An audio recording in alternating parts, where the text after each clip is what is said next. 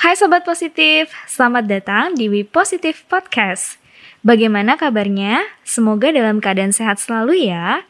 Mungkin saat ini Sobat Positif sedang mendengarkan podcast ini dari rumah, atau dari tempat kerja, atau bahkan sedang dalam perjalanan menuju suatu tempat. Namun, di mana pun Sobat Positif berada, tetap ikuti acara ini sampai akhir. Nah, Sobat Positif, kira-kira hari ini kita akan membahas topik apa ya? Mari kita ikuti We Positive Podcast hari ini. Selamat mendengarkan.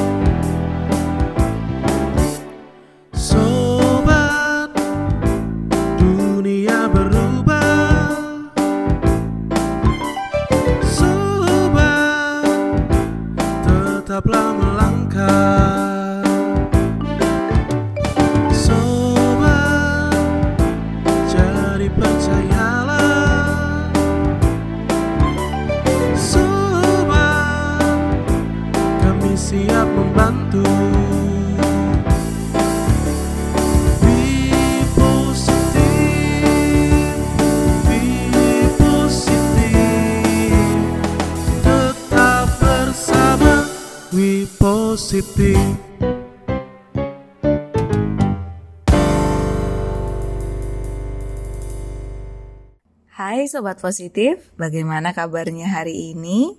Sekarang kondisi pandemi sudah mulai membaik, anak-anak juga sudah kembali bersekolah. Harapannya rumah Sobat Positif mulai lebih tenang, damai, dan juga bisa melanjutkan aktivitas dengan baik. Tentu saya juga berharap bahwa sobat positif bisa memiliki hari-hari yang menyenangkan baik itu di rumah maupun di tempat kerja masing-masing. Saya Elizabeth Santoso, psikolog anak dari Rumah Tumbuh Kupompong, kembali lagi untuk membawakan suatu topik pada hari ini. Semoga sobat positif masih belum bosan ya. Sekali lagi, sekarang kita akan berbicara mengenai parenting atau bagaimana orang tua bisa menjalin komunikasi yang baik dengan anak-anak. Pada episode yang sebelumnya, kita banyak membahas mengenai darurat kesehatan mental orang tua. Ternyata tidak hanya kesehatan fisik yang perlu diupayakan di rumah, tetapi juga kesehatan mental orang tua. Topik yang lalu didasari pada beberapa berita dan juga fenomena di masyarakat beberapa bulan atau minggu belakangan ini di mana ada orang tua-orang tua yang mulai mengambil uh, perilaku-perilaku yang mungkin kita anggap tidak sesuai dengan norma masyarakat. Yang ternyata salah satu faktor yang bisa menyebabkan adalah kesehatan mental mereka sendiri. Dan sebagai masyarakat yang uh, diberikan anugerah untuk tumbuh dengan sehat, untuk bisa bekerja dengan baik, maka sudah tugas kita semua untuk bisa mengupayakan kesehatan mental di tengah masyarakat. Jika papa mama memiliki keingintahuan mengenai topik tersebut, silahkan kunjungi podcast pada episode berikutnya yang sudah naik di Spotify, di Spotify uh, Podcast Be Positive. Dan hari ini kita akan kembali berbicara mengenai peranan kita sebagai orang tua sebagai orang tua memang tugasnya sangat tidak mudah ya. Banyak sekali tanggung jawab yang perlu kita tunaikan supaya kita bisa membersamai, mendidik, mengasuh, bahkan mentor anak-anak untuk mereka bisa mencapai cita-citanya kelak. Tetapi semuanya itu merupakan suatu pandangan yang jauh. Sehari-hari di rumah kita melakukan hal-hal yang tampak sederhana tapi bermanfaat dan juga berdampak besar pada kehidupan anak-anak. Dan hari ini uh, kita akan berbicara mengenai tips berbicara kepada anak-anak agar anak mendengar. Banyak sekali ya kita mendapatkan keluhan atau mungkin kita sendiri di rumah gitu ya mengalami bahwa seiring dengan pertambahan usia anak ada kendala-kendala untuk kita itu bisa berinteraksi dengan baik bersama dengan mereka. Mungkin ada anak-anak yang sepertinya tampak membandel atau susah untuk diatur. Atau kita sebagai orang tua kurang merasa dihargai, diapresiasi, atau didengarkan. Ini adalah suatu kondisi yang sangat banyak juga saya temui di klien-klien saya. Bahwa mereka mengeluhkan mengapa sulit sekali untuk berkomunikasi dengan anak-anak. Hari ini Kupompong akan mengajak papa mama untuk belajar bersama bagaimana caranya supaya kita itu bisa berbicara, berkomunikasi dengan baik dengan anak-anak, supaya anak-anak itu bisa menerima masukan yang kita berikan, bahkan mereka bisa menyimpulkan begitu ya. Jadi inti atau tujuan dari hal-hal yang disampaikan oleh papa mama. Yuk kita langsung saja masuk ya. Nah, biasanya sebagai orang tua, kita memiliki jadwal harian yang juga tertata dengan padatnya, begitu ya baik kita yang bekerja di luar rumah, berkarir di luar rumah, maupun kita yang mengerjakan tugas-tugas di rumah tangga. Jadwal kita sebagai orang dewasa itu cukup padat. Karena apa? Kita memiliki kemampuan perencanaan. Jadi kita sudah tahu, oh jam segini saya akan melakukan ini, jam segini saya akan melakukan ini. Tentu sebagian besar waktu kita juga kita alokasikan untuk bagaimana caranya bisa menjalani peran di rumah tangga dengan baik jam segini saya harus menemani anak sekolah online. Jam segini saya harus mengantar dia les.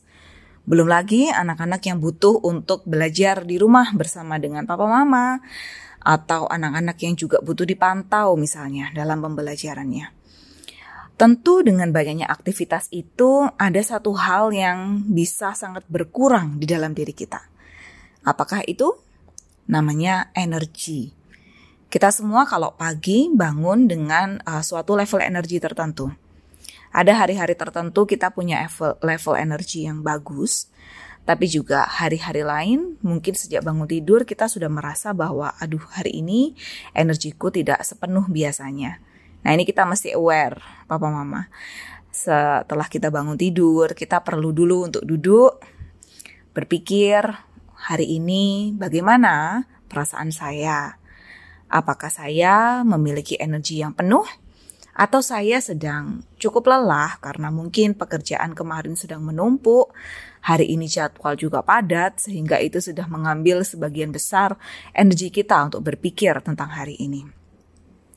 Nah, di dalam posisi seperti itu, kita sadar bahwa sebagai orang tua tidak lagi waktu sepenuhnya menjadi milik kita, tetapi juga perlu dibagi bersama dengan anak.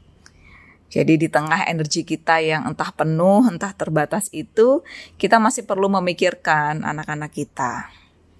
Lalu masuklah anak-anak ke dalam kamar kita atau mereka bangun tidur dan mulai mereka beraktivitas dan di sanalah kita mulai merasa aduh oke okay, aku harus menggunakan energi ini apa adanya untuk membersamai mereka.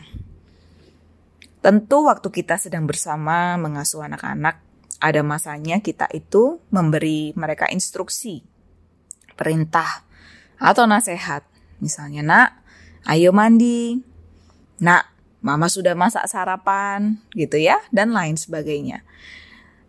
Kadang-kadang anak-anak itu bisa manis, nurut sama perintah kita, tapi juga tidak uh, tidak suatu hal yang uh, tidak tetapi juga bukan merupakan suatu hal yang istimewa ketika mereka mulai melawan. Gak mau gitu kan. Ayo mandi, gak mau. Ayo sarapan, gak suka, dan lain sebagainya. Waktu posisi kita sedang capek, sedang banyak tanggungan di depan, dan anak-anak mulai menolak apa yang kita minta kepada mereka, bayangkan bagaimana rasanya. Wah, apalagi ketika kita sudah pakai ancaman, kita sudah marahin mereka, tetapi sepertinya tidak ada perubahan. Nah, bagaimana rasanya?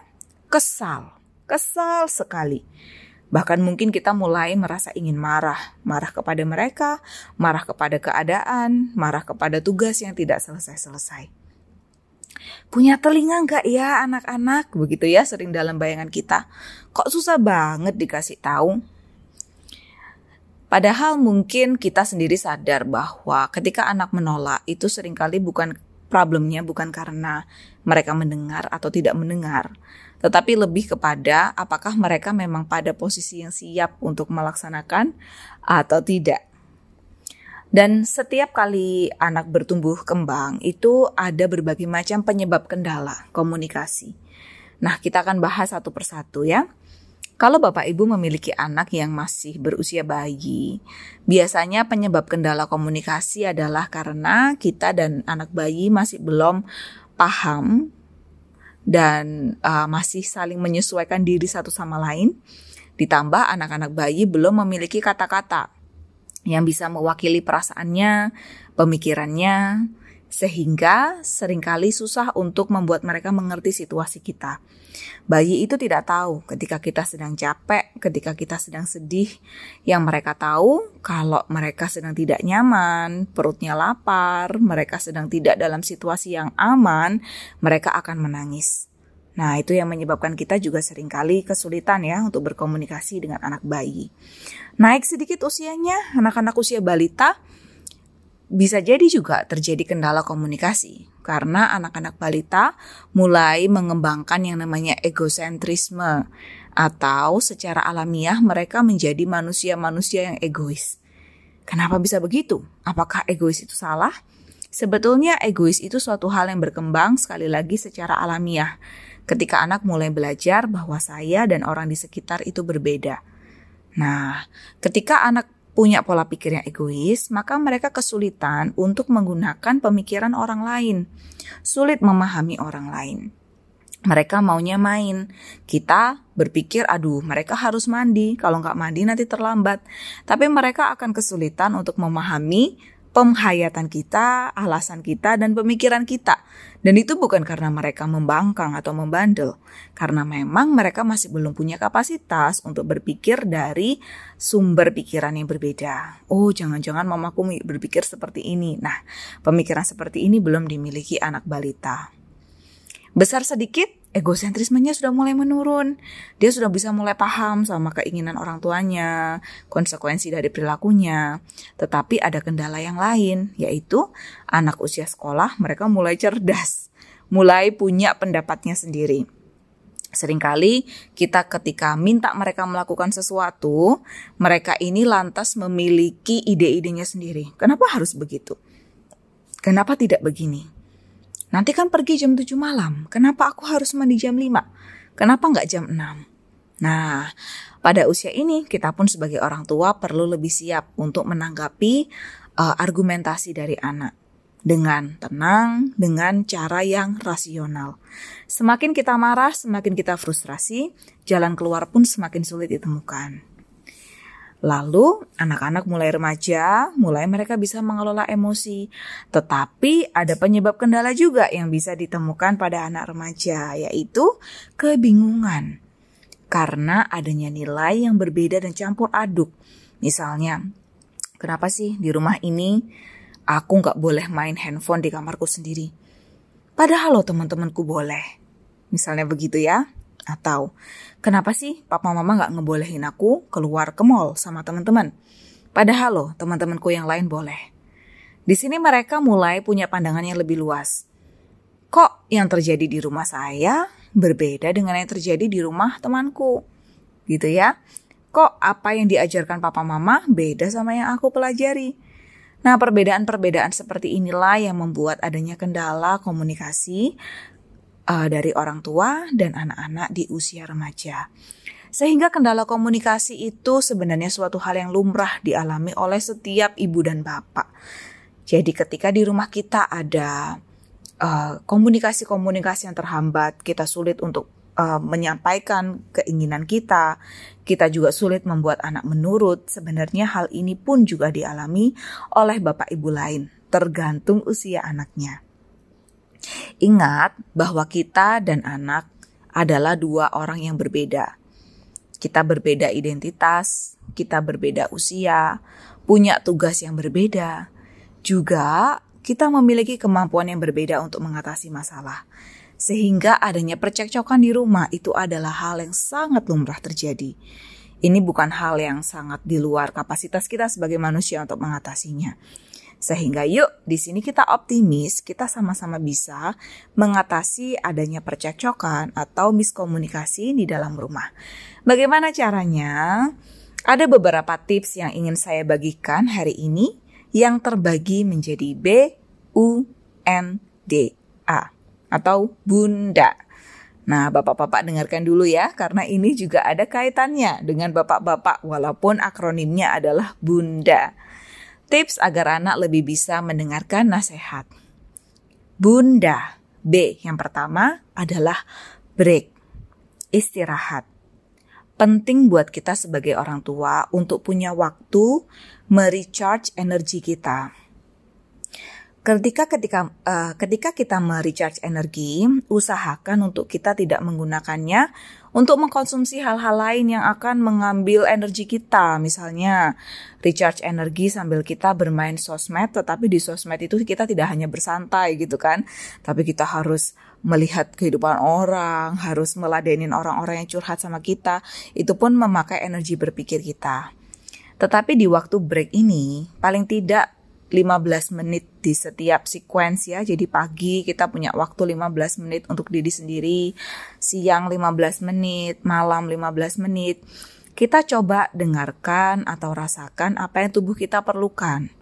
Apakah kita butuh makan, butuh minum, atau butuh leyeh-leyeh istirahat sebentar.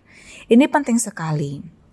Saya lihat bahwa orang tua-orang tua yang super hektik atau super sibuk di dalam rumah akan sulit untuk bisa mengelola emosinya.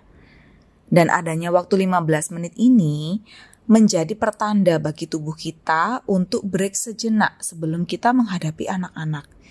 Kalau kita menghadapi anak-anak dalam posisi kita lagi lapar, lagi kepanasan, atau tubuh kita lagi sangat lelah, itu akan mengganggu komunikasi kita dengan mereka kita akan menjadi orang yang cranky, orang yang stres, orang yang sedang mencari pemenuhan kebutuhan, dan kita akan sulit untuk memahami kondisi anak-anak.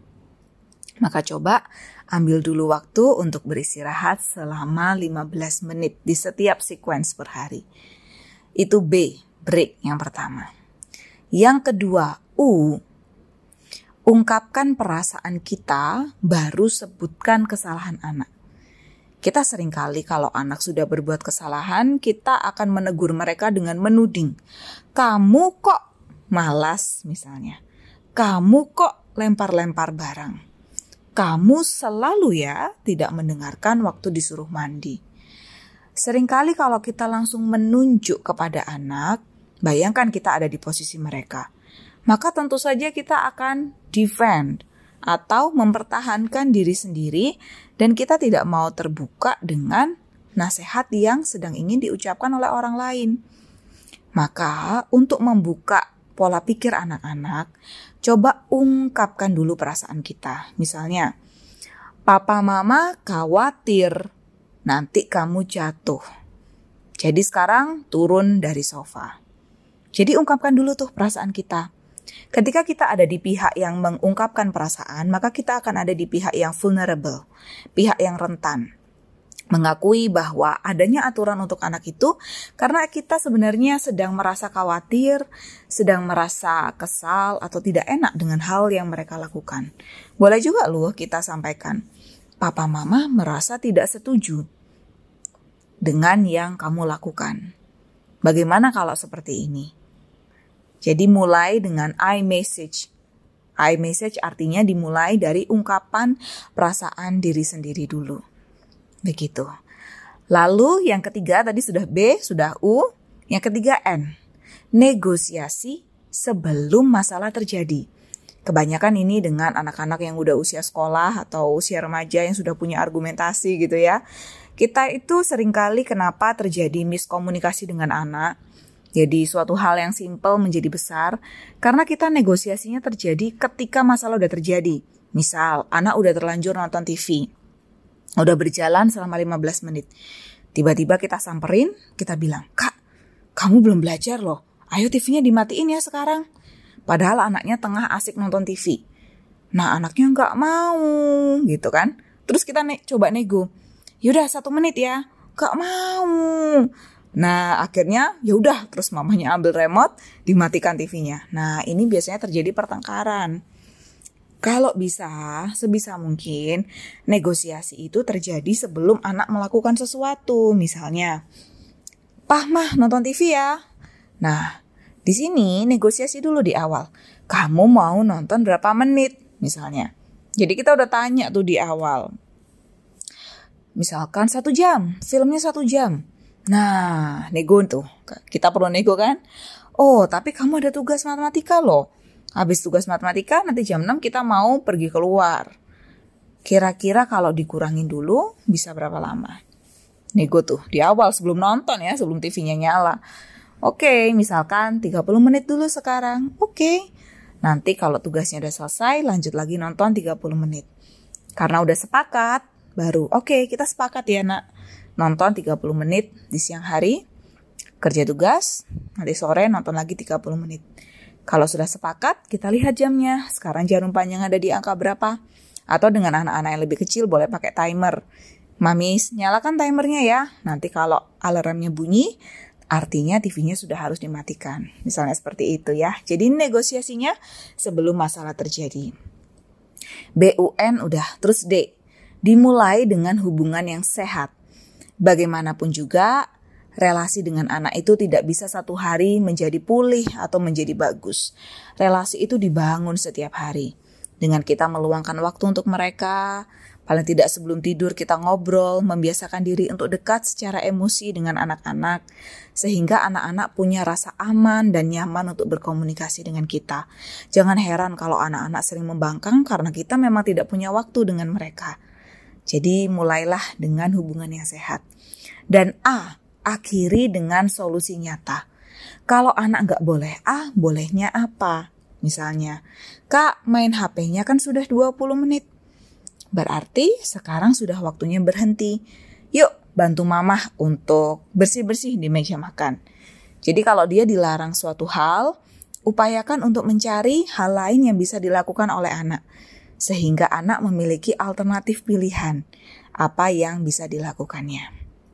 Nah, itu tadi ya, Papa Mama, tips-tips untuk membuat anak lebih mendengarkan nasihat. Semoga pembicaraan kita di podcast kali ini bisa membantu Papa Mama mengatasi kendala komunikasi di rumah. Sampai jumpa di lain kesempatan dan have a nice day. Penerimaan siswa baru Sekolah Citra Kasih Sekolah Citra Berkat telah dibuka.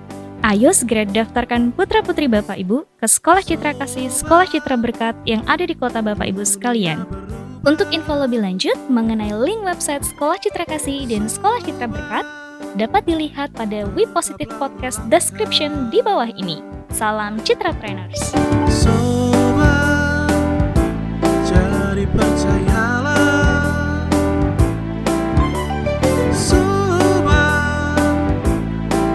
siap membantu.